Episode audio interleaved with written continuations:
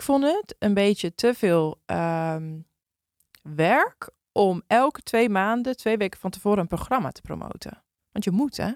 Anders komt die challenge niet vol. We beginnen op 23 mei, dus ik was vanaf 1 mei al een beetje aan het vertellen dat hij eraan kwam. En ik verloor daar volgers mee op Instagram. Wat natuurlijk logisch is. Ik doe dat zelf ook wel eens. Als iemand te veel promoot, dan ben ik weg. Je luistert naar Hoeveel ben ik waard? Een podcast waarin ik, Rolien, op zoek ga naar waarde. Waarde, financiële waarde. Want zijn we daar niet allemaal naar op zoek? Lieve Jolie, José, Hedwig, Anouk, Quirine, welkom bij de club. We zijn inmiddels al met 70. Wat een feest.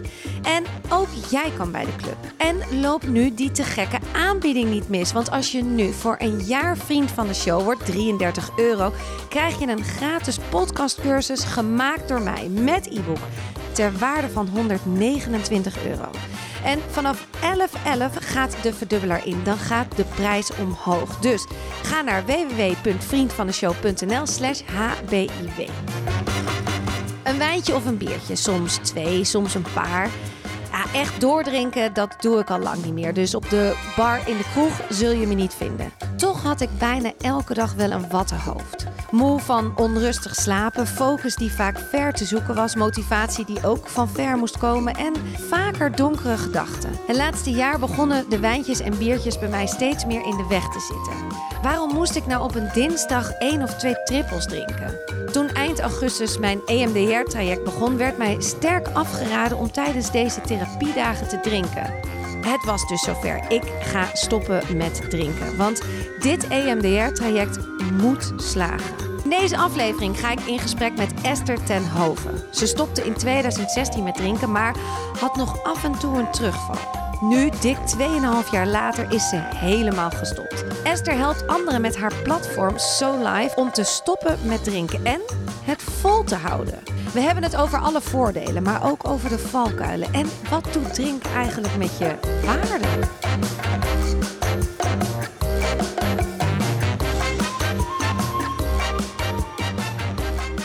Ben je zenuwachtig?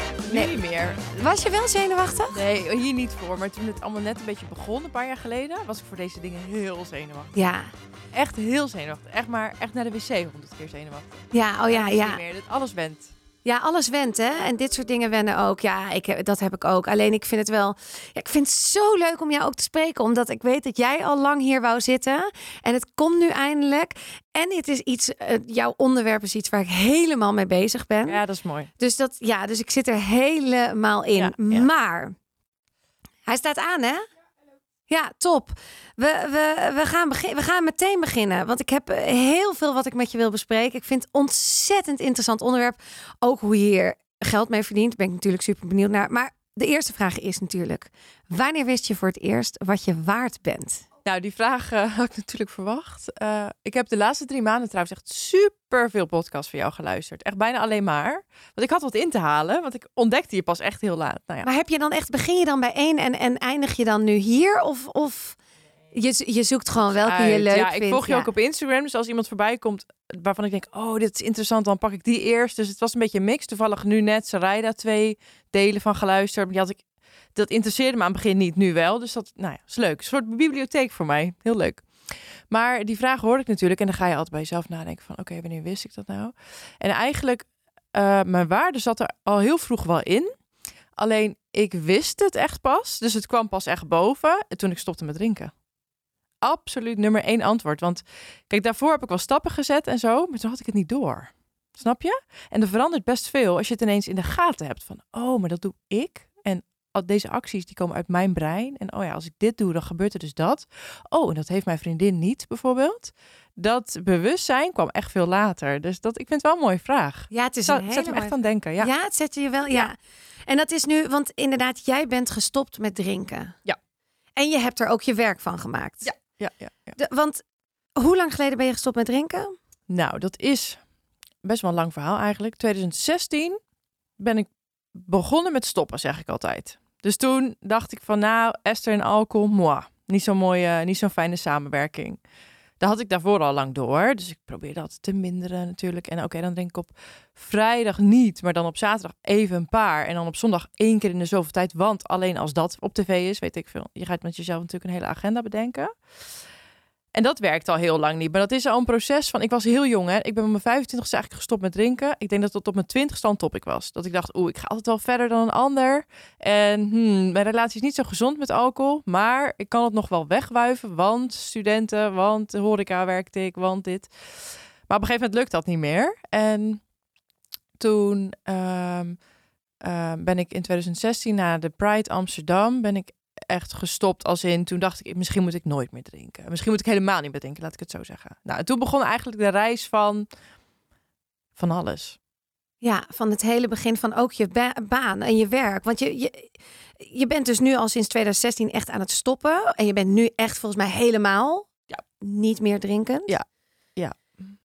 Hoe heb je hier je werk van gemaakt? We gaan zo nog wel dieper in op het hele verhaal van drank. Maar hoe, hoe kan je hier nu je werk van hebben gemaakt?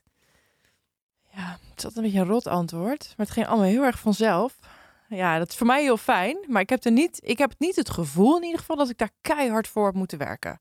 Kijk, ik begon, op een gegeven moment zag ik, alles wel een beetje met de oorzaak te maken hoor. Dus op een gegeven moment lukt het me echt om blijvend te stoppen. En dan had ik een soort van manier gevonden waar ik, waarin ik mezelf heel veel waard vond. Dus om die alcohol te laten staan. Om alle dingen in mezelf eh, niet meer te hoeven verdoven. Omdat ik er juist heel blij mee was. Omdat ik de waarde van al die eigenschappen inzag. Dus dat was eigenlijk het kantelpunt. Dat was ergens in 2000, eh, eind 2019. Maar toen wilde ik het ook van de daken schreeuwen. En toen werd het ineens een passie, weet je wel. Daarvoor was het een beetje schaamte en verdomhoekje. En toen werd het ineens, oh ja, maar dit is vet. Wat je eigenlijk allemaal kan bereiken als je iets alleen maar niet meer doet. Maar wat er dan allemaal vrijkomt. Dus toen dacht ik, weet je wat, ik richt een Instagram-account op. En ik had die Instagram-account al ooit een keer aangemaakt. En die heette iets van Klaartje, Klaartje stopt of zo. Zo'n soort, weet je wel, zo'n soort pseudoniem, anoniem verhaal. En eh, daar ging ik dan op bloggen en zo. Maar toen begon ik op een gegeven moment weer met drinken. Dus dat was helemaal weer weg. En toen dacht ik, weet je wat, ik pak die erbij. Want ik had daar een paar volgers, honderd of zo. Ik stof hem af en ik noem het sober in live. Klaar. Eén seconde bedacht. Zo ben ik ook wel een beetje. Hup. En toen ben ik een beetje gaan delen over bepaalde dingen. En wat posts gaan maken. En wat stories gaan maken. Op een gegeven moment ook zelf op camera gekomen. Nou, dat, dat viel wel lekker bij de kijker. En ik stopte onderweg ook nog een keer met roken. Dacht ik ook, ook, als ik daar dan over vlog. Want dan weet ik dat het lukt, weet je wel. Want dan heb ik een hele achterban die me gaat volgen. Ja, en toen, kijk, ik ben wel iemand die... eh, ik ga dat niet een half jaar doen voor 100 volgers, weet je wel. Dus ik dacht, hoe moet ik nou aan... Hoe maakt het dit platform groter? En toen dacht ik, nou, mijn verhaal is misschien best interessant voor de media. Hmm, misschien journalisten, die vinden het best leuk om over te schrijven misschien. Weet je wat? Ik doe gewoon, ik maak een goede mail met een, al een kant-en-klaar artikel. Dan hoeven ze er bijna niks meer aan te doen, alleen maar checken.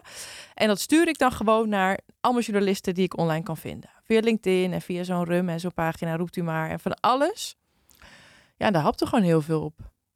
Dus toen stond ik ineens in de Viva met een heel groot portret. Toen kwam ik op televisie bij, ehm, heet het ook alweer? Dat was een kleine mini-documentaire van mensen die door de corona iets moois hadden meegemaakt. Zeven minuten docu, heel kort, maar vlak na het acht uur journaal. Nou, dat was bizar goed bekeken. Ik was helemaal niet blij met die documentaire, want die was heel raar geëdit, helemaal niet blij mee. Ging helemaal over de AA en dat wilde ik helemaal niet. Dat hadden we ook helemaal niet afgesproken, maar goed, televisie. En nou, toen groeide het gestaag, het ging het wel door. En ik was een van de weinigen, joh, ik had bijna geen concurrenten. Ik was de enige online die op deze leeftijd over dit onderwerp praatte. Dus dat sloeg gek genoeg wel aan. Nou, een heel lange inleiding, maar in ieder geval toen begonnen mensen te vragen: kun je niet eens een keer een challenge doen? Dat is leuk. En dan doen we misschien via Facebook en dan kunnen we jou een beetje volgen, want ik wil dat ook wel proberen. Nou, toen begon het idee en toen is het heel amateuristisch. Heb ik een challenge opgezet op een besloten Facebookpagina. Dat komt toen nog allemaal. Nu hoef je echt niet meer met Facebook aan te komen. Maar elke dag maakte ik een video. Dus elke dag zet ik mijn werk om zes uur. En dan ging ik in de make-up en dan maakte ik een video om die dag voor zeven uur te plaatsen. En dan stuurde ik die mensen bij de bevestiging een tikkie. Zo in een linkje, zo heel mooi verwerkt van 10 euro. Nou, Sober in Life was geboren. Dat was het bedrijf. En hoe, hoeveel haalde je dan de eerste keer binnen bij die Ik challenge? denk dat er 70 mensen meededen. Nou, dat is veel. Ja, dat is hartstikke fijn. Ik vond 10 euro ook heel veel. Om te vragen. Bizar, hè? En ik ja, dat weet dat nog- nu...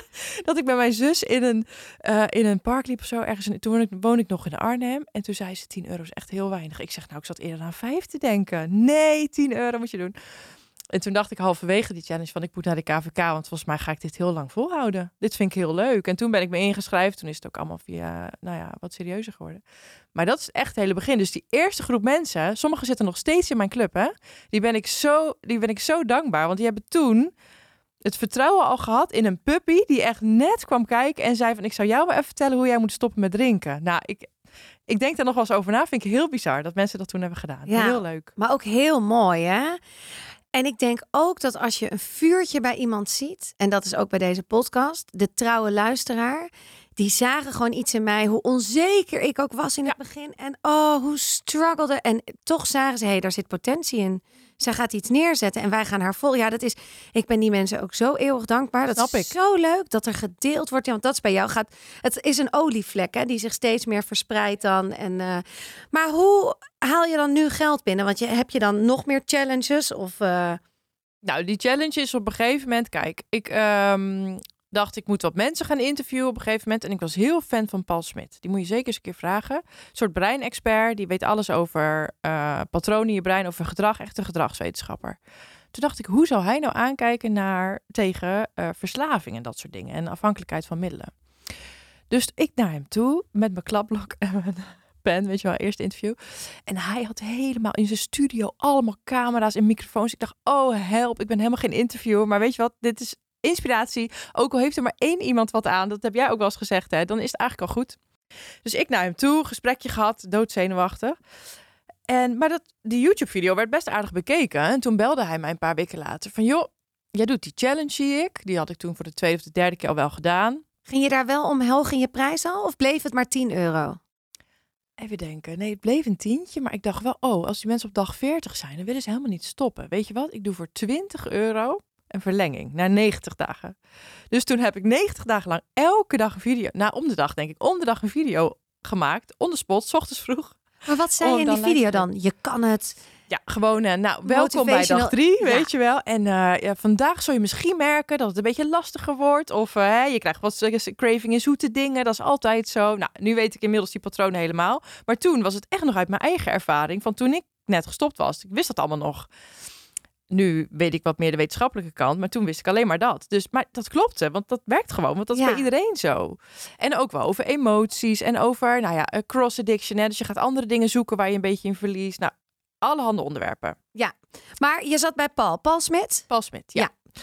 Hij, ehm, hij belde mij dus en hij zei, wat leuk dat je die challenge doet. En eh, is dat niet iets waar we samen iets in kunnen doen? Kan ik daar niet een bijdrage in leveren? En dat was heel grappig, want een paar dagen daarvoor zat ik zo met mijn vriend te praten. Toen zei ik, ja, ik mis een wetenschappelijk iemand. Ik mis iemand die ook van, van een wetenschappelijk oogpunt iets toe kan voegen in die challenge. Het is nu alleen maar ervaring.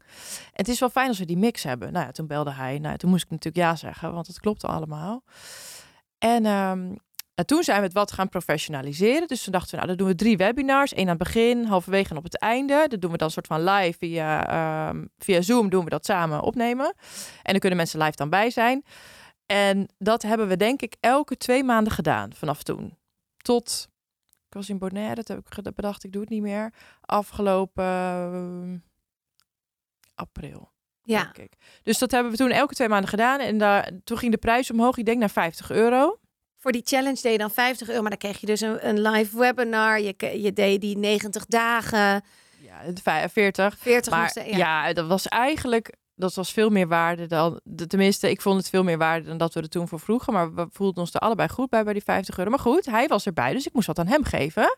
Dat was toen volgens mij 40% nog. En, ehm, maar dat was helemaal prima, want ik was hartstikke blij dat hij erbij zat. En dat programma werd steeds meer waard. Dus op een gegeven moment een keertje omhoog gegaan naar 60 euro. En toen hadden we ook nog drie varianten. Dus zonder webinars en met webinars. En dan met één op één coaching erbij van hem en van mij. Nou, dat was helemaal, hebben we allemaal uitgeprobeerd. Dus die prijzen die lagen natuurlijk een beetje uiteen. En uiteindelijk hebben we gezegd, oké, eh, ik vond het een beetje te veel ehm, werk om elke twee maanden, twee weken van tevoren een programma te promoten. Want je moet, hè? Anders komt die challenge niet vol. We beginnen op 23 mei, dus ik was vanaf 1 mei al een beetje aan het vertellen dat hij eraan kwam. En ik verloor daar volgers mee op Instagram. Wat natuurlijk logisch is. Ik doe dat zelf ook wel eens. Als iemand te veel promoot, dan ben ik weg. Plus, eh, ja, als ik me een keer niet goed voelde of zo, dan moest ik alsnog die dag vertellen dat de 40 dagen challenge eraan kwam. Ik werd daar helemaal niet goed van. Plus, daarbij kwam dat mensen zeiden, ja, maar we willen gewoon ook instappen eigenlijk als die niet aan de hand is. Dus als het niet 23 mei is, dan willen we ook eigenlijk iets kunnen kopen bij jou. En dat Ja. kan nu niet. Dus toen dachten we, we nemen hem helemaal op en we gooien hem online, zodat mensen elk moment kunnen instappen.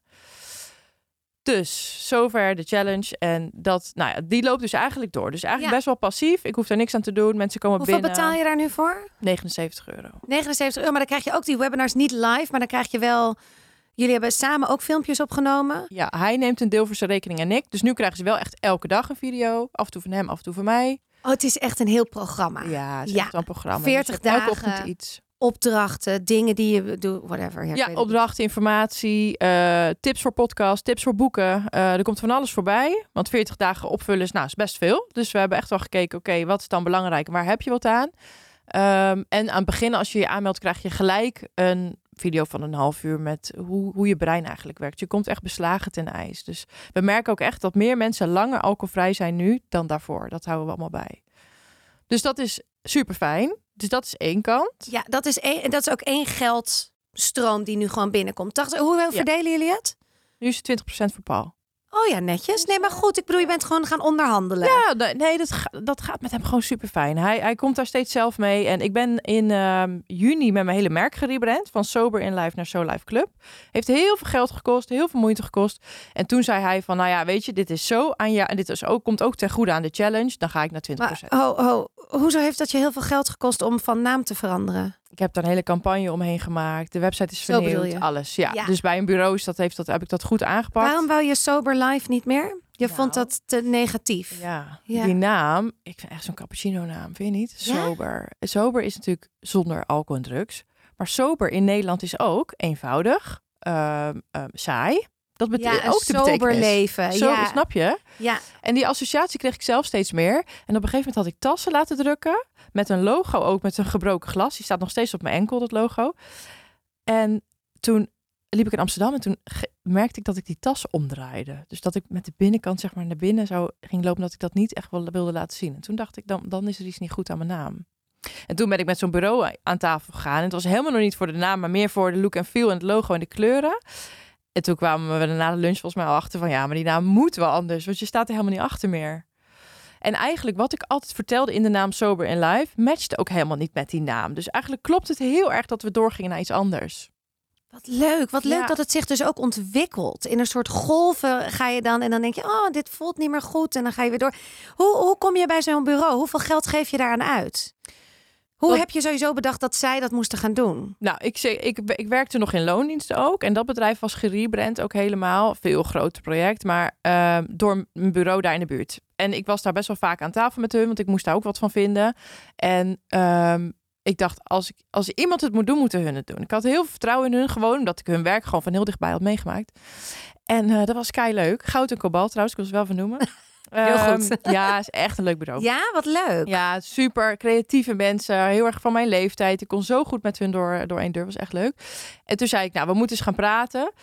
En, maar goed, ik had niet mega omzetten, weet je wel, toen. Het was echt niet dat ik dacht van, nou, ik knal daar zomaar even een paar duizend euro te gaan. Ik moest er echt wel over nadenken. Dus ik kwam eigenlijk bij hun voor een soort van, je merk in een dag of zo. Dat heet dat concept, geloof ik. En dan zouden we in een dag kijken van, oké, wat hangt allemaal aan je merk? Wat wil je vertellen? Wat is het gezicht van je merk? Hoe wil je het naar buiten brengen? En hoe ziet dat er nu uit versus hoe zou het dan moeten? En dan kun je natuurlijk verder gaan. Dus dat hebben we gedaan. Nou ja, na de lunch kwamen we er al achter van, nou, de naam moet anders. Het logo moet anders. Want ik wil helemaal eigenlijk niet zo in de face met zo'n half glas. Want bij mij gaat het veel meer om, ja, wat krijg je ervoor terug? Weet je wel, hoe zien je ochtenden eruit? Hoe ga je je dag door? Wat levert het je op? Hoeveel betaal je voor zo'n zo'n zo'n day? Ja, het is in, ik zit te denken, het is in delen gegaan. Ik denk 1500 euro voor zo'n dag. Uiteindelijk ruim 10.000 euro uitgegeven. Laten we dat. Maar dat is wel veel geld nog als je net begint ook. Ja, ja. Is dat niet niks om even neer te leggen? Maar je voelde wel van, ja, ik wil nu gewoon, ik wil echt een, een doorstart gaan maken en dan wil ik het echt heel professioneel. Dan, Ja. nu ga ik het. En wat je hebt, oh, heb je je baan inmiddels ook opgezegd? Ik freelance nu voor hun. Ja. Slim. Ja, heel slim. Maar dat, dat lag veel te ver uit elkaar natuurlijk. Die, dat loondienstuurtarief, zeg maar in loondienst en mijn uurtarief voor zo live, dat klopte niet meer. Dus dat voelde ook niet goed. Dus ik had eigenlijk gezegd, 1 november, komende 1 november, stop ik. Ga ik het loondienst, ga ik voor zo live verder. Maar ik vind het zo leuk nog wat ik doe. Wat ik doe zit in de evenementenbranche. Ah. Ja, ik vind het zo leuk. Ik zit op de sales daar en dat is echt super leuk. Het is wel heel ver. Ik moet er elke dag een uur voor rijden. Maar omdat ik er dat allemaal voor over had, dacht ik, ja, ik weet niet of ik moet stoppen helemaal. Want dan kom ik dus op een bureautje, ergens in Amsterdam of thuis, nog erger, zonder collega's. En ehm, dan moet ik het in mijn eentje gaan doen. Dus laat ik dat rustig afbouwen. Dus gelukkig, hun stonden overal voor open. Toen heb ik gezegd, ja, dan moeten we op, uh, op uurtarief gewoon verder. Nou, dat doen we nu. En, hoe, uh, hoe ben je toen je prijs gaan bepalen? Want dat, dat is ook een verschil. Je bent in loondienst, je gaat uit loondienst. Mm -hmm. En dan moet je gaan onderhandelen. Ja. ja, dat heb ik gedaan, ja. Ja. Nou ja, dat is wel moeilijk, want uh, ik heb in loondienst heb ik het altijd moeilijk gevonden om te onderhandelen, merk ik. Ik wilde nooit over die cijfers praten. Maar goed, het is gewoon een beetje googlen, een beetje om je heen kijken, een beetje aan familielid vragen, uh, kijken wat goed voelt. Uh, ik wilde ook weer niet te hoog gaan zitten, want ja, sorry, maar je moet het allemaal maar waarmaken. Hè? En ik heb er nog wel een bedrijf naast wat ook mijn focus heeft. Dus uiteindelijk zijn we prima op een goed uurtarief uitgekomen, wat goed is omdat ik het drie dagen blijf doen. Tot in ieder geval april volgend jaar. Dus ja, dat, dat tikt natuurlijk wel aan. Dus het is prima.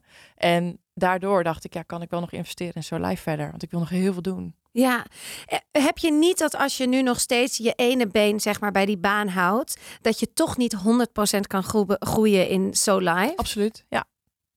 Ja, dus dat, dat is de prijs die ik betaal, ja. Ja, en daar ben je nu oké okay mee? Nu oké okay mee. Kijk, want het geeft mij wel de kans om uh, heel veel dingen nog te verbeteren en heel veel dingen goed te zetten, omdat ik die zekerheid, als het natuurlijk niet echt zekerheid freelancen, nog heb. Ja. Kan ik wel heel veel in ads gooien, kan ik heel veel uh, visuals laten maken, kan ik video's laten maken, kan ik alles optimaliseren, zodat ik, als ik straks in april of whatever wanneer de stap zet, dat ik er helemaal klaar voor ben. En dat wil ik wel echt graag. Dus het is nu wel een hoge prijs, maar ik betaal hem graag. Ja. Snap je? Ja. Maar, want wat zou er dus dan moeten gebeuren voor dat je, dat je toch zegt tegen dat event, ik doe dat niet meer. Ik ga echt 100% voor. Wat moet er nou eigenlijk gebeuren? Want je wil dan investeren in allerlei dingen, maar is dat echt nodig? Is het niet gewoon dat je moet gaan? Iets in me zegt dat ook. En als ik het uh, 10% minder leuk had gevonden dan ik het nu vind, had ik dat ook sowieso gedaan. Weet je wel? Dan zien we het wel boeiend. Uh, mijn vriend heeft een goede baan, dus thuis redden we het wel. Alleen ja, dat component dat ik er nog zoveel vreugde uit haal, dat moeten we ook niet vergeten. Hè? Ik heb daar mijn collega's, ik heb daar de mensen met wie ik bij het koffiezetapparaat praat. Het klinkt een beetje gek, maar die evenementen geven me super veel energie. Dus ik wilde het ook gewoon. Weet je hoe het ging? Ik was op Ibiza afgelopen zomer een weekje met mijn vriend. En toen had mijn, uh, mijn werkgever gezegd... Uh, wil je er alsjeblieft over nadenken om toch nog een paar uur door te gaan? Want je doet de grote evenementen, vindt het mooi dat je bij ons werkt, gaat goed. Wil je erover nadenken? En toen was ik op Ibiza, zat ik in het vliegtuig en toen dacht ik, ik zeg tegen mijn vriend, ik voel gewoon een beetje een opluchting. Als ik daar nog twee of drie dagen door kan gaan. Omdat ik gewoon, ik zie mezelf wel helemaal isoleren in een kantoortje. En dat kan ik allemaal wel anders doen, dat snap ik ook. Maar voor nu voelt het nog gewoon niet goed om het te doen. En het kon financieel. Ik kan echt stoppen. Het kan echt. Maar toen zei hij, nou, dan heb je je antwoord. Toen dacht ik, ja, dan heb ik mijn antwoord. Dus het heeft met heel veel dingen te maken. Sta ik op de rem bij So Live? Misschien wel, maar ik heb wel echt bakken met energie, Rolien. Dus ik kan echt wel heel veel tegelijk doen. Ja, dat is ook leuk. Over die energie wil ik het zo meteen ook hebben. Want ik herken het ook. Kijk, ik, ik met vliegen, ik denk heel vaak, ik stop ermee. Mm -hmm. Maar ik hou ook heel veel van vliegen. Ja. Ik hou heel veel van dat leventje. Ik hou van mijn collega's. Ik hou van die, die passagiers. Vind ik altijd nog het leukste eigenlijk. Want ik hoef niet per se dagen op een bestemming te zijn. Maar ik kan zo gieren met passagiers. Ik Ja. vind het zo leuk om ze een beetje in het, in het ootje te nemen. Om een grapje uit te halen. ja, Om, om de, dus ik, ik ken dat die navelstreng doorknippen met iets wat je ook wat weinig energie kost. Want ik ga gewoon, ik kom gewoon binnen bij de KLM en ik doe mijn ding. Dus ik heb, weet je wel, dit is altijd, als je zo live doet of HBW, dan ben ik altijd gefocust en het moet scherp en het moet goed en het moet. Heel en anders, dat hè? andere is ook gewoon, dat geeft me ook heel veel energie, omdat ik gewoon precies weet wat Ja. ik moet doen. Ja. En dat is soms zo lekker. Ja, nou, Geen twijfel. Weet je, dat, dus ik herken het heel erg goed. Maar ik merk ook dat ik daardoor niet helemaal full focus op hoeveel ben ik waard kan zijn. Of op alle andere dingen. Dus het is een, het is een balans zoeken. Maar ik heb ook nog te veel ja naar de KLM dat ik het 100% wil doorknippen. mhm, mhm. Dus ik ben er nog niet. We hebben het even over energie. Ja. Want stoppen met drinken, wat zijn je voordelen? Hoe lang gaan we door? even- Hoe lang gaan we door? ja, maar is het zo? Vind je het zo? Kijk, Oh, want- meid, ja. Ja? Echt. Ja, echt waar. Ik word, oh, je ziet helemaal hoe ik ga bewegen. Ja. Ik word helemaal. Dit heeft zo mijn leven veranderd. Dit heeft zo mijn leven veranderd. En ik zeg niet dat dat voor iedereen zo is, hè? Want ja, ik sprak laatst iemand die was een maand gestopt, dus ik merkte niks. Nou, dat kan. Maar ik zie in alle seizoenen, in alle facetten van mijn leven hoe anders het is. En dat komt ook. Ik had geen rem. Ik dronk altijd te veel. Ik was altijd degene die dronken was op het, op het buurtborreltje, weet je wel. Ik was diegene. Dus ik, er viel ook wel veel te halen bij mij. Maar ik zie het ook in alle clubleden, bij iedereen. Dat het gewoon, als je er nieuwsgierig naar bent en als je het op gaat zoeken van, oké, verschillen, als je het echt gaat noteren en er eh, serieus mee bezig bent, ja, dan, dan verandert er gewoon heel veel. En dat is bij mij op ondernemersvlak uiteraard zo lijf was nooit geboren als ik niet was gestopt met drinken. Dat is logisch, maar ook met drive en eigenlijk mijn ambitie. Geen idee dat ik die had. Ehm, ik, ga de, ik ga zo door het geluid met dat bedrijf. Gewoon omdat, omdat ik ook eh, eh, mezelf het waard vind om iets op te zetten waar ik de rest van mijn leven wat aan heb, zeg maar. Maar ook in mijn vriendschap. Ik ben veel serieus in mijn vriendschap. Ik kan vriendinnen veel beter helpen en ondersteunen. Ik vertrouw veel meer op mijn eigen kunnen. Eh, mijn relatie is fijner geworden. Ik zit lekker in mijn vel. Ik val af. Mijn huid. Ik, nou ja, Oh ja, val ik durf af. veel meer. Mijn angsten zijn weg. Ja, echt heel veel. Hè? Ja, Ja. afvallen. Ben je, viel je snel af? Nou, ehm, ja. Alleen ik ging het op, aan het begin nog wel compenseren met iets anders. Harlekijntjes en zo, dropjes. En dat, eh, dat, dat ging niet, natuurlijk niet echt goed. Maar ik kan, weet je, ik kan nu best wel veel snacken en ik kom niet zo snel aan. Dat is het verschil. Dus ik weet precies wanneer ik op de rem moet trappen. Want dan is het echt, echt erg, zeg maar. Hè? Dus, maar ik kan best wel veel on the side eh, wat, wat snacken en, en foute dingen eten. Ik kom niet zo snel aan meer. Ik blijf heel erg stabiel. Dus daar ben ik heel blij mee. Ja, dat is heerlijk. Ja. Ik, en en heb, je, heb je voor jezelf, ik wil echt nooit meer drinken? Of heb je gewoon, ik drink nu niet? Ik krijg die vraag heel vaak en altijd moet ik nadenken.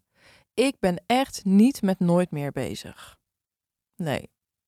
Want ik weet het niet. Ik heb geen glazen bol. Ik kan dat echt niet zeggen. Er kan maar zoiets heel traumatisch in mijn leven gebeuren dat ik er heel anders over denk. Wie? Maar op dit moment denk ik dat ik nooit meer ga drinken. Nee, het Snap heeft je? gewoon echt geen toegevoegde waarde meer aan je leven. Nee, nee, nee, nee. Absoluut niet. Ja, ik ben nu sinds eh, eind augustus gestopt met drinken. Nou, Nou. we zitten nu eind oktober, dus twee maanden. Het is iets langer voor gevoel. want Ik tel in weken en dan zit ik op tien weken. Dus ik wil niet aan. Nou ja, dus want. Maar ik heb het nog wel zwaar hoor, ook. Ja? Ja, ik heb het. Ik, ik ben als eerste enorm opgelucht. Kijk, Mhm. ik begon. Ik moest eind augustus begon ik met EMDR. Oké. Eh, voor trauma's uit mijn jeugd. Ik heb, heb ik wel eens verteld, ook geloof ik wel wat dingen. Ik heb bij een, een eh, ja, secte vind ik echt een groot woord, maar bij de Osho gezeten, de Bhagwan, als klein kindje. En daar zitten gewoon wat trauma's, van mijn vierde tot mijn zevende. Mm. Nou, en ik dacht eindelijk, ik ben 40, ik moet dat aanpakken. Want ik dronk namelijk elke dag één of twee glazen. Mhm. Soms één dag niet. Maar ik ben absoluut geen doordrinker. Maar eh, ik drink natuurlijk in de weekenden wel eens vier, vijf, zes. En dan was ik niet, ging ik niet de club in. Dan ging ik gewoon om elf uur alsnog slapen. Maar ik werd altijd s'nachts wakker met wat, jij, wat ik jou ook hoorde zeggen. En dat vind ik het ergste met schuldgevoel. Depressieve gedachtes. Waarom moest ik nou zoveel drinken? Waar, hoe, ik ben het niet waard. Alle 15 overtuigingen die ik heb kwamen dan als monsters om me heen. Ja. En dan werd ik en dan kon ik niet meer slapen, kreeg ik hartkloppingen. Dacht ik, waarom doe ik dit? Waarom doe ik het? Ik ga echt niet meer drinken. Ik ga echt niet meer drinken. Nou, en dat heeft eigenlijk wel een jaar geduurd. Maar ik wist ook, als ik stop met drinken, ja, dan moeten we shit gaan oplossen. Ja, klopt. Ja, Dus- waar. Ik vond het. Ik kon het. Ik dacht gewoon elke dag rond vier, vijf uur dacht ik nee, ik heb dit nodig. Dit is gewoon mijn shot. Ik moet dat trippeltje. Ik moet die rode wijn. Want ik, ja, ik heb het gewoon verdiend. Want ik wil niet voelen. Nou, dan heb je al een heel mooi zelfonderzoek achter de rug. Hè? Zeker, maar dan nog, ga maar stoppen. Maar toen zei de EMDR, mevrouw, die zei: Ja, als wij jou gaan behandelen, dit is het behandelplan, dan mag je niet drinken. De avond daarvoor niet, de dag van de behandeling niet. En drie dagen daarna dacht ik: Ja, als ik vijf dagen niet kan drinken, ja, dan stop ik Ja. maar, toch? Ja, ja, ja, ja. Nou ja, en dat ging eigenlijk beter dan ik dacht. Eh, maar, en ik voel me echt, ik heb veel meer energie. Ik denk wel dat ik ADHD heb. Ja, dat heb ik ook. Ja. Daar kwam ik ook achter. kwam- ja, want ik heb, ik gier soms door mijn lijf van de energie. Ja, ja, ja. De opdrachten komen als een malle op me af. Eh, alles kan ik. De depressieve gevoelens, gedachten die ik had, zijn nou 90% verdwenen. Ook misschien door MDR, maar ook doordat ik gewoon kan relativeren. Mijn onderbuikgevoel is subliem. Ik voel me duizend keer beter. Maar ik heb ook, vooral in het weekend, op zondag, altijd ben ik er wel acht keer per dag mee bezig. Denk ik, oh ja, nee, ik kan vanavond geen rood wijntje nemen. Oh, het zou wel lekker zijn, hè? Oh, had ik hem, ja, ik kan er toch één nemen. Dan ben ik toch niet meteen weer. Dus het zit, ik vind het echt het is niet, het is wel, het is geen kattenpis. Mhm. Nee, het is zeker. Herken je dit? Nee, ja, tuurlijk. Ja. Ik herken zeker de redenen waarom je gestopt bent. Die herken ik heel erg, die nachten. Kijk, dit ervaren heel veel mensen. En dan is het een beetje lullig om te zeggen, maar tien weken is echt te kort om daar allemaal vanaf te zijn, snap je? Wat wij altijd zeggen, of wat ik zeg, is wel, leg er een andere gewoonte wel tegenover. En hè, dat is gewoon van, als ik die zondagmiddag vijf, als het die zondagmiddag vijf uur is, dan schenk ik altijd dit in. Iets anders waar je blij van wordt. Waarschijnlijk niet zo blij als van een chemische blijmaker, maar wel een beetje blij. Is een leuk, leuk glas met weet ik veel wat erin. Om een nieuwe gewoonte te gaan trainen. En dan heb je na 40 dagen wel zoiets van: oké, eh, ik denk niet meer zo snel aan die wijn. Want het is gewoon je brein die dat doet. Hè. Het zijn gewoon koppelingetjes die je maakt. Is helemaal niet dat jij eraan denkt. Dat, dat gebeurt gewoon allemaal automatisch. Dus dan is het: oh, ik heb zin in die Crodino. Of ik ga een ander drankje nemen. Dus dat zeggen we altijd om het wel om er eens tegenover te zetten. Laat het niet leeg, zeg maar. En inderdaad, ehm, ik merk ook dat jij heel erg de positieve kanten ziet. Heel fundamentele dingen ook. Hè? Wat je zegt, er komt werk naar me toe en zo. Nou, dat heb ik ook zo ervaren. Mensen geloven dat nooit echt zo. Ja, Het floot allemaal, Ja. het stroomt. Eh, dus daar wel heel, heel, heel erg mee bezig zijn. Dus heel erg focussen daarop. En ehm, is het zo dat jouw partner nog drinkt? nou veel minder, veel minder. Dus waarin hij, maar kijk, hij kan één biertje drinken. Ja, knap. Ja, en dan, en dan, en, en dan ook eh, weer drie dagen niet. Maar nu doet hij echt bijna altijd 0.0 met me mee. Ja, ja wat Dus- goed. Hij steunt me helemaal. Maar kijk, ik doe het. Ik, het gekke is, al zou hij elke dag drinken, het zou me niet uitmaken. Ik doe het echt voor mij. Mhm. Ik doe het echt. eh, ik doe het ook een beetje omdat ik een zoon heb van 14 en ik het een super raar beeld vind dat ik elke dag een wijntje drink Ja. op een maandag, dinsdag, woensdag, donderdag, vrijdag. Vind ik eigenlijk echt kankjorum. Ja. Ik vind het echt heel raar dat we met een geboorte een fles wijn geven. Dat we met eh, als iemand niet lekker in zijn vel zit geven een fles wijn. Ja. Ik, ik ga dus nu iedereen 0.0 bubbels geven. Dus be prepared. Als je iets hebt, krijg je van mij altijd vanaf deze een 0.0 Geweldig, ik geniet hiervan. Ja. ja, ik, omdat ik het gewoon. Het is echt een soort drugs wat je aan iemand geeft. En ik ben er allemaal niet op tegen hoor. Ik Mhm. vind echt dat iedereen het voor zichzelf. eh, maar ik, ik vind het gewoon zo'n raar idee. Mhm. Ik vind het zo. Ik voel, ik voel ook inderdaad me veel schoner. Ik ben niet afgevallen. Want ik, dat, dat heb ik nog niet. Maar ik merk wel dat er nu een soort. dat mijn stofwisseling nu ineens gaat eh, veranderen. Dat ik, dat ik minder snel snack. Of dat ik gewoon minder snel honger heb. Ja, Ik ja, had eerst, die- oh, dan werd ik 's ochtends wakker, had ik al meteen honger. Nou, nu hoef ik pas om 11 uur te eten. ja, komt u van die suiker in die wijn misschien die je de avond ervoor hebt gehad? Ja. Maar jij zei iets, jij zat in een mooi verhaal en ik onderbreek je. Ja, nou weet ik het niet meer. Nee, Ik, ik ging wel even aan op wat je zei. ehm, in de nacht, hè? Ja, Dat vinden mensen altijd zo vreemd. Mensen linken dat ook niet gelijk aan alcohol. Dat duurt even. Voor de, te- snap je, in de nacht dat je, die, dat je wakker wordt sowieso. Dat is logisch, want je maakt je cyclus helemaal niet af. Het is echt een grote killer voor je slaap. Maar dan word je wakker en dan denk je dus heel negatief. Schaamte, schuld, spijt. Maar daar hoef je helemaal niet helemaal lam voor te gaan. Dat heb je al bij een paar glazen. Ja, sommigen, hè? niet iedereen. Maar dat komt dus, je bent dus gewoon aan het fucken met je serotonine levels. Mensen die antidepressiva krijgen, krijgen extra serotonine. Dat is gewoon een balansmaker. Dus als jij twee glazen wijn een beetje rap achter elkaar leeg drinkt, die gaat naar bed, of meer, en je wordt wakker, dan heb je gewoon bijna geen serotonine. Dus je kan helemaal niks relativeren. Dus al die zelfafwijzing komt helemaal naar het plafond toe. En die blijft dan soms, in de ergste gevallen, wel een paar dagen met je meesudderen. Je leent gewoon al die geluksgevoelens van de volgende dag. Ik zeg altijd, mensen, drinken is echt geen probleem. Maar wees je bewust van dat je gewoon leeg gaat lopen op die avond, weet je wel. Dus dat is wat je s'nachts heel erg merkt. En ehm, ehm, wat jij zei van, ehm, ik ben er nu nog wel veel mee bezig. Heb jij een einddatum voor jezelf? Eh, nooit meer. Eh, Nooit meer? Nou, nee, dat is dus ook niet waar. Nee, dat is niet waar. Eigenlijk wil ik gewoon de, eh, dat, dat, dat het helemaal uit mijn systeem is. Dus dat ik niet meer het verdoven doe, de pijn verdoof. Dat, dat wil ik eraf. Ik, heb heel, ah, eh, ik drink om te verdoven. Maar nu denk ik, ja, het gaat al tien weken heel goed. Ik heb een hele lekkere fles rode wijn thuis staan. Ja, ik vind wel, ik ben donderdagjarig. Ik vind eigenlijk dat die zondag wel open mag. Met één goed glas. Maar nu dacht ik net alweer, toen we dit gesprek begonnen, dacht ik, nee, wat een onzin. Wat een onzin. Wie, wie vertelt je dit? Dat dat wel mag? Of wa- waar is dat op gebaseerd? Hoe, snap je? Hoe, hoe komt dat in jouw hoofd? Want het gaat toch al tien is- weken heel erg prima? Ja, maar het is gewoon een, ik wil mezelf wel belonen. Ik ja, vind wel meid, dat je ik beloont je toch niet met een giftig goedje? Nee, dat weet ik. Maar ik weet hoe ontzettend. Kijk, dus daarom het idee dat ik nooit meer iets mag. Dat vind ik, dat zou. Ik vind net zoals dat iemand die zes keer getrouwd is zegt: Ik ga nooit meer trouwen. Dat weet je niet. Want Nee, je weet niet of de. Nee. zevende keer echt diegene is die je wel. eh, waar je oud mee wordt. Ik, dus dat nooit, dat vind ik heel moeilijk. Ik denk dat jij dat, dat iedereen dat wel een beetje heeft. Maar ik denk wel. Ja, waarom nog? Wat dient het mij om weer toch die rode wijn te nemen? Het enige wat ik wel soms vind, maar dat is echt even heel persoonlijk. Eh, als je in een relatie zit, langer dan, nou dat herken je ook, herkennen we misschien allemaal wel hoor. Maar ik vind het makkelijker om intiem te zijn met mijn relatie als ik een wijntje. En hoef ik er niet zes op te hebben hoor, dat ik laveloos in de douche hang. En, eh, maar ik kan wat, ik word wat charmanter en losser. Ja, en wat ontspannender. En wat ontspannender en minder, eh, weet ik veel. Dat, dat denk ik dan, hè? Mhm. Eh, en dan kan ik dus makkelijker hem verleiden en lekker met hem vrijen of wat dan ook, dan dat ik nuchter.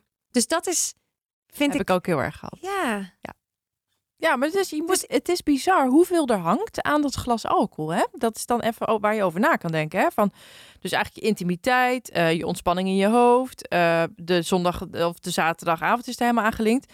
Allemaal met dat ene glas, met dat soort van chemische goedje... wat je dan in je hele leven of vanaf je, weet ik veel, twintigste, vijftiende naar binnen gooit. En we kunnen gewoon dus niet meer ontspannen zonder bijna. En dat is wat mij altijd wel wat mij drijft om dit te blijven doen. Want intiem zijn met je partner, daar moet je als vrouw totaal ontspannen voor zijn. Ik weet niet of je het kent, maar je kan altijd heel veel dingen tegelijk denken. Ook nog tijdens. Dat lukt allemaal goed. Je kan nog de boodschappenlijstjes bedenken, alles nog. Dus voor intimiteit moet je echt een beetje ontspannen zijn. Maar dat kunnen we bijna niet meer zonder. Je kan het wel, maar je hebt het zo lang niet gedaan... dat je het echt weer moet herprogrammeren en her moet... Ja, hoe noem je dat? Opvoeden bijna jezelf, snap je? ja. Dat kan wel, maar dat kost even tijd. Dus dat is niet zo van. Het, het heeft gewoon heel veel om handen, dat stoppen met drinken. Het is niet, dat doe je niet even zo. Er komen heel veel dingen bij kijken. ja. Het, je voelt je ook een stuk kwetsbaarder dus inderdaad en fragieler. Ja. En ook inderdaad het eerste feestje weer, de eerste festival. Ja. Nou, daar moet ik niet aan denken. Nee? Nou, Lowlands volgend jaar nuchter? Ja, dat hebben genoeg mensen gedaan. Ja, I know. Ik ben jij ook geweest? Nee. Ik wil wel een Ja. keer naartoe trouwens, nog nooit geweest. Nou, eh, dat was namelijk een eye-opener. Ik ging naar de voorstelling van Stephanie Laurier. Mhm. Zij komt ook zeker nog een keer in de podcast. En zij is dus ook twee jaar gestopt met drinken nu. Zij heeft een fantastische voorstelling gemaakt. eh, over... Ja, ik ben er geweest. Ja, je Heel bent er vet. geweest. Ja, hè? Ja, zeker. en ze was ook bij Dam Honey te gast over niet drinken. Er zaten inderdaad twee mensen in een zaal van 40 die helemaal nuchter Lowlands ervaarden. Ja, toen ging er ook een luikje bij mij over. Omdat ik zei, in die voorstelling wordt ze ook helemaal wild. Hè? Speelt, ze, de- speelt ze de alcohol. Ja, ja, mooi is dat. Nou, Ja. En ik dacht echt, oh, wat, dit is zo herkenbaar. Het is zo confronterend. Alsof dan het beest ineens naar buiten mag. Alsof ik dan ineens... eh, terwijl ik wil dat niet meer. En ik, en ik merk ook echt dat ik gewoon veel leuker ben als ik niet drink. Tegen wie? Voor Tegen mezelf, Ja, tegen ja. mensen. Ja. Ik ben gewoon zoveel geduldiger en liever. En ik heb, ik heb veel meer compassie voor alles. Voor mezelf, voor andere mensen. Ja, ik ben er best wel een beetje ook high van, van dit hele stoppen. Ja, vind ik mooi om te zien bij je. Want weet je wat het ook is? Dat drinken is best, is best destructief, hè? Wat je all over en over en over blijft doen. Dus logisch, als je dat weghaalt, dat er compassie en liefde voor jezelf voor terugkomt. Want dat heeft ineens ruimte. Dat verdooft je eigenlijk de hele tijd. Ja. Dus zulke soort dingen. Ik zeg ook altijd, afval is leuk, een mooiere huid is leuk, je haar gaat groeien, allemaal leuk. Als je stopt met drinken, is allemaal fijn, je lever, bla bla bla. Maar dit zijn de dingen waar het om gaat, hè?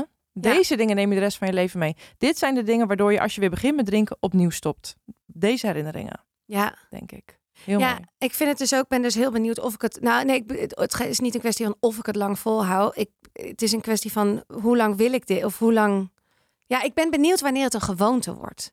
Want nu is het nog wel een struggle. Hoe lang heb jij daarover gedaan voordat je echt wist van, nou, ik voel me nu. Ik hoorde je ook zeggen inderdaad dat, dat we, we zijn vergeten om ons veilig te voelen of om te. Ja. Hoe, hoe lang heeft dat bij jou geduurd? Nou ja, ik stopte in 2016 dus voor het eerst. Ik was toen 25. Dus vol in het leven, uitgaansleven. eh, ja, alle feestjes en zo moest ik ineens nuchter doen. Vond ik heel ingewikkeld. Maar ik stopte echt omdat ik van mezelf niet meer mocht drinken. Snap je? Dus ik ont, ontzei het mezelf. Dus ik mocht gewoon niet meer drinken. En mijn omgeving vond dat overigens ook een heel goed idee. Want ik heb niet zo'n leuke dronk. Nee. Nee, hoef je geen geen maar water. eh, heb jij geen leuke dronk? Nee. nee, ik word echt Esther 2.0. Oh, mijn hemel. Ik word echt een heks. Ja, echt.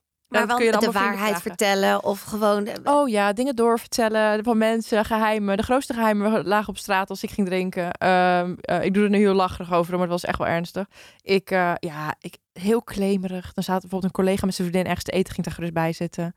Heel erg over de grens van anderen gaan. Maar dat had ik dus daarin niet door, zeg maar. En dat komt ook ergens vandaan. Ik ben best een pleaser. En als ik ging drinken, boom, ging dat er helemaal de andere kant op. Ehm, dus die mensen vonden het ook wel een fijn idee. Maar anyway, ik mocht toen niet drinken. Dus dat was echt een gevangenis. Dat voelde echt als een gevangenis. Van oké, ik wil eigenlijk wel jouw gin tonic, maar ik mag het niet van mezelf. Dus ik moest continu op de rem. Wat er gebeurde bij mij is dat ik prima een half jaar, drie kwart jaar, een jaar ook was gelukt, alcoholvrij kon blijven. En dan, dan barstte de bom, zeg maar. Dan spatte alles uiteen en dan ging ik een heel weekend helemaal van God los. Of een paar weekenden achter elkaar en dan stopte ik weer. En zo was eigenlijk steeds het riedeltje. Totdat ik op Curaçao terecht kwam in de lockdown. Wij konden daar niet meer weg. Ik kreeg daar bronchitis en toen vloog eh, de KLM vloog bijna niet meer. En dat duurde heel lang. We hebben daar een maand gezeten.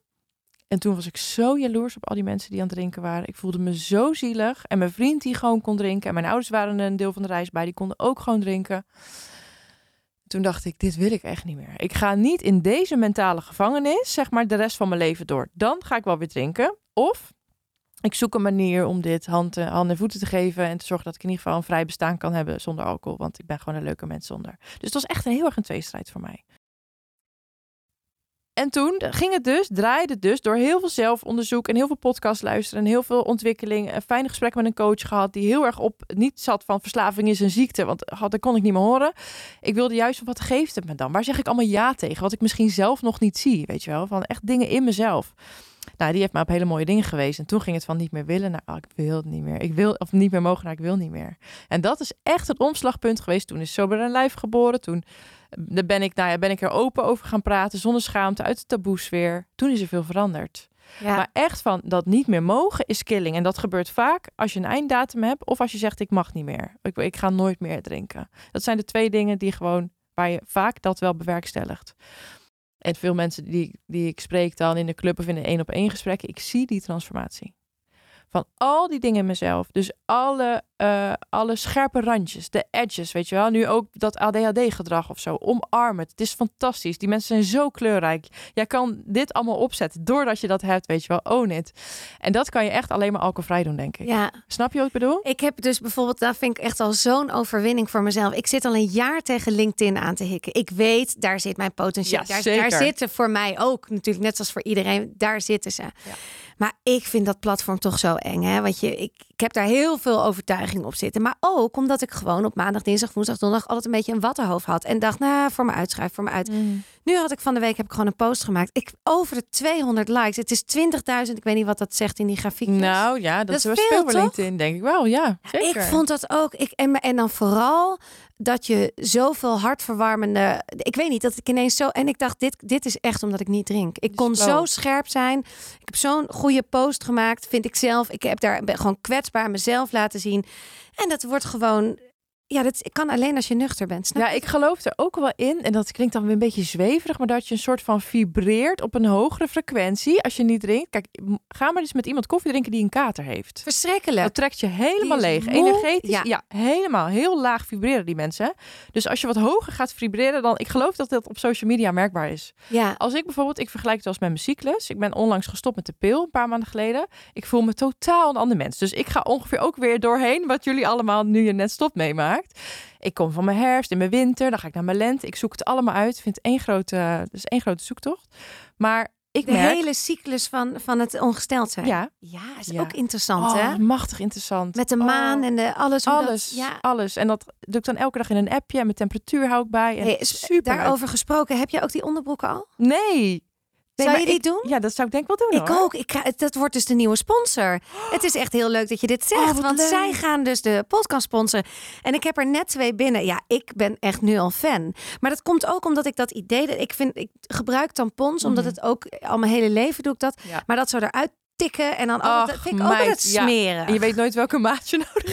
Nee, en dan zit je weer met een mega of een te- En dit Ja. is gewoon, ja, het is, ik, ik zou, het is echt wel een aanrader. Het ziet er in ieder geval fantastisch uit. Ja, je hoort het goed. Ik mag de nieuwe Snacks uitproberen. Snacks is het nieuwe menstruatieondergoed. En ik vind dit leuk, want ik ben namelijk geen fan van tampons of maandverband. Ik vind het plastic troep, ik vind het vies en ik vind het gewoon onhandig. Ik weet nooit waar ik die vieze tampon netjes weg kan stoppen als die... Nou, je snapt het wel. Een plastic cup heb ik ook wel eens geprobeerd. Maar dat inwendige is allemaal niet echt mijn ding in combinatie met bloed. Laat het bij mij maar gewoon eruit stromen. Sorry mensen, maar ja, één keer per maand is het wat het is. Dus ik ben heel erg benieuwd naar deze nieuwe menstruatieonderbroeken. Binnenkort dus meer. Maar ja, nu terug naar Esther. Ja, maar dit is wel een goeie, want ik ben hier echt serieus aan het over nadenken om dit te doen. Ja. Want nu word ik inderdaad ineens weer ongesteld. Ja. Dat is ook, want ik slikte de pil gewoon door en Ja. ik deed wanneer het me uitkwam.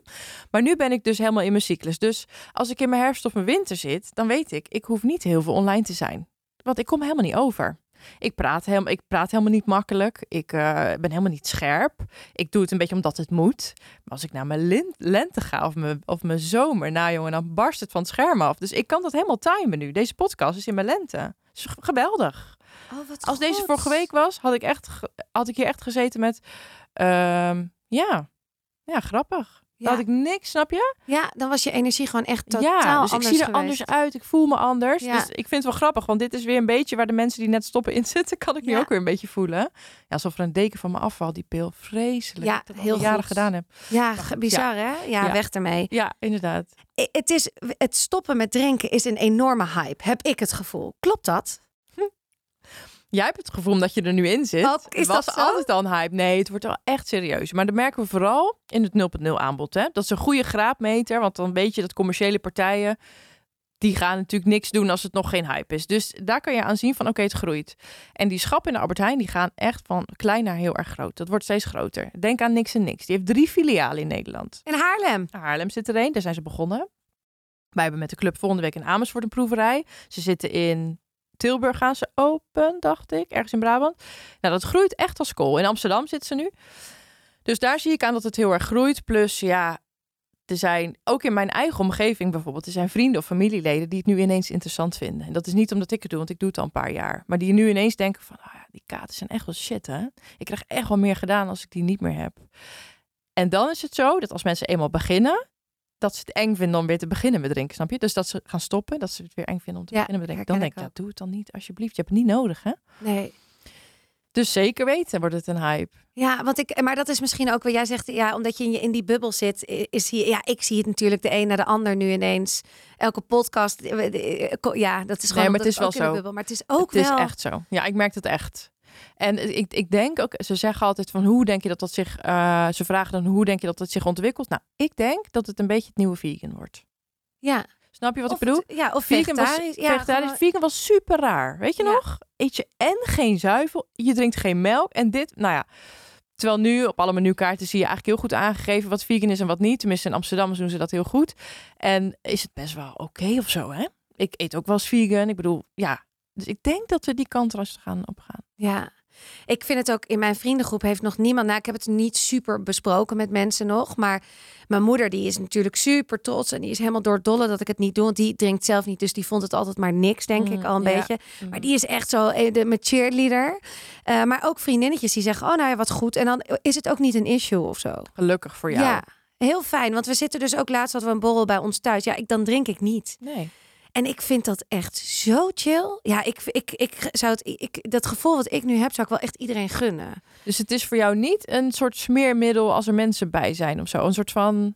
Mis je dat niet? Nee, niet meer. Ik ben daar ook, ik ben ook 40 hè. Ik heb op een gegeven moment echt ja. dat EMDR aangepakt in augustus en gewoon echt mijn overtuigingen gaan aanpakken. En ik, ik merk dat er zoveel veranderd is. Dat Mm. het zoveel mijn eigen projectie was op dat ik dat dus allemaal moest. Oh ja, ik moet ontspannen, dus ik moet een wijntje. Ja, ja, ja. Ik vind het alleen met sommige dingen nog spannend, vooral met het intiem zijn. Maar dat is gewoon, dat, dat is, daar ligt dus iets op bij mij. Los van, en dat heeft niks met Ruben te maken. Dat is gewoon dat ik vind het nog heel spannend om naakt te zijn. Mhm. ja.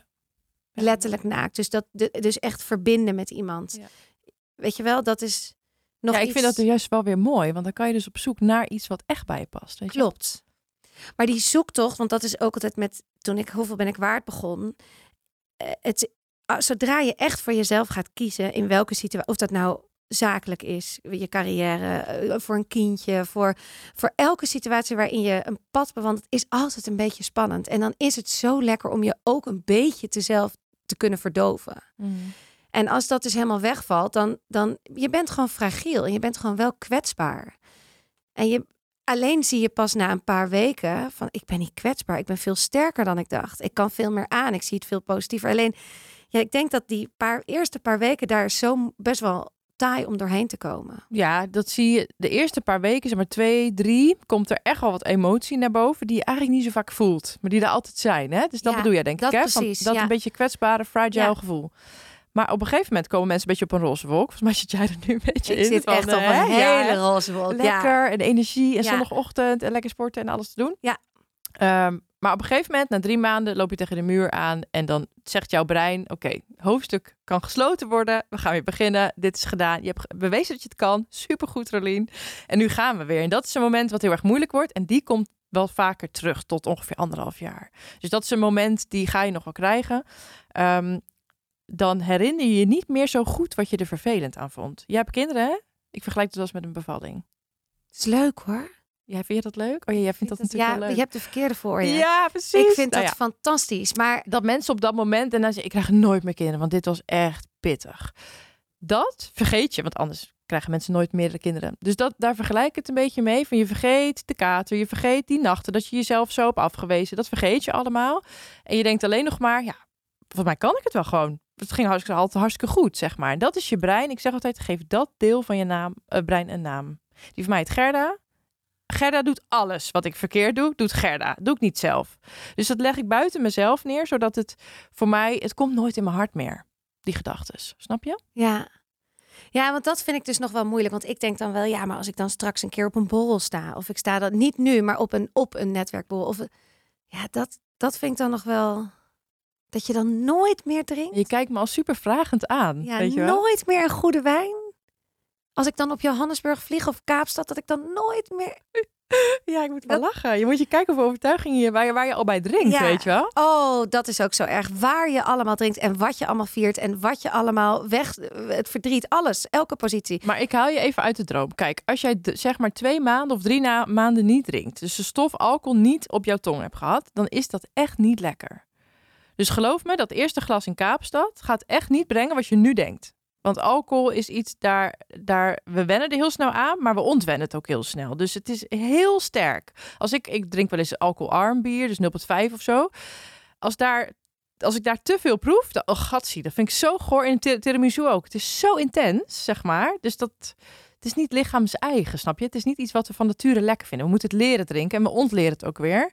Dus dat gaat er nog wel na een paar maanden komen hoor. Je eerste glas denk je echt, oeh, als dat ooit komt. Denk je dat ik het volhoud? Sowieso. Moet je Ja. kijken wat voor voordelen je hebt. Ja, ik, ik ben er. Ik wil ook al echt niet meer. hey, nog heel even financieel. Ja. Want je hebt nu, ik hoorde je ook de club. Je hebt een club. Hoeveel mensen zitten er in die club? In die club zitten, ehm, poeh, ik denk nu ongeveer 130, 140 leden. En die leden betalen per maand. Eh, ja, tussen de 6 en de 10 euro. Ja. Ja. En daar doe je dan uitjes mee. Uitjes, we hebben elke maand een spreker. Dus we hebben maandthema's. Elke maand komt een spreker in de club. Niet live natuurlijk, maar online. Nee, is gewoon. En daar kan je dan zelf bij zijn of niet. Of je kan Of het terugkijken, terugkijken, als je, als je lid Ja, bent. Maar vooral, het, het forum werkt gewoon heel goed. Mensen die op elkaar reageren en die elkaar een beetje doorheen helpen. Als ze dus op een zaterdagmiddag denken, oh ja, ik heb al acht keer aan wijn gedacht. Dan posten ze dat daar. Het is een hele liefdevolle omgeving. Eh, Via Facebook is dit Nee. gesloten? Nee. Ik gebruik Huddle. Hoe? Huddle van IMU. Oké, het? nee. Oh. Maar daar, daar kun je dus dan lid van worden. Dan zit je erin. En het is het steunen, het samen zijn, het verbinden. Daar gaat het om. Daar gaat het om. En iedereen die een programma bij mij koopt, komt altijd tijdens zijn programma in de club. Het is echt de huiskamer van Zo Live, noem ik het altijd. En als je klaar bent met die challenge, dan ga je betalen.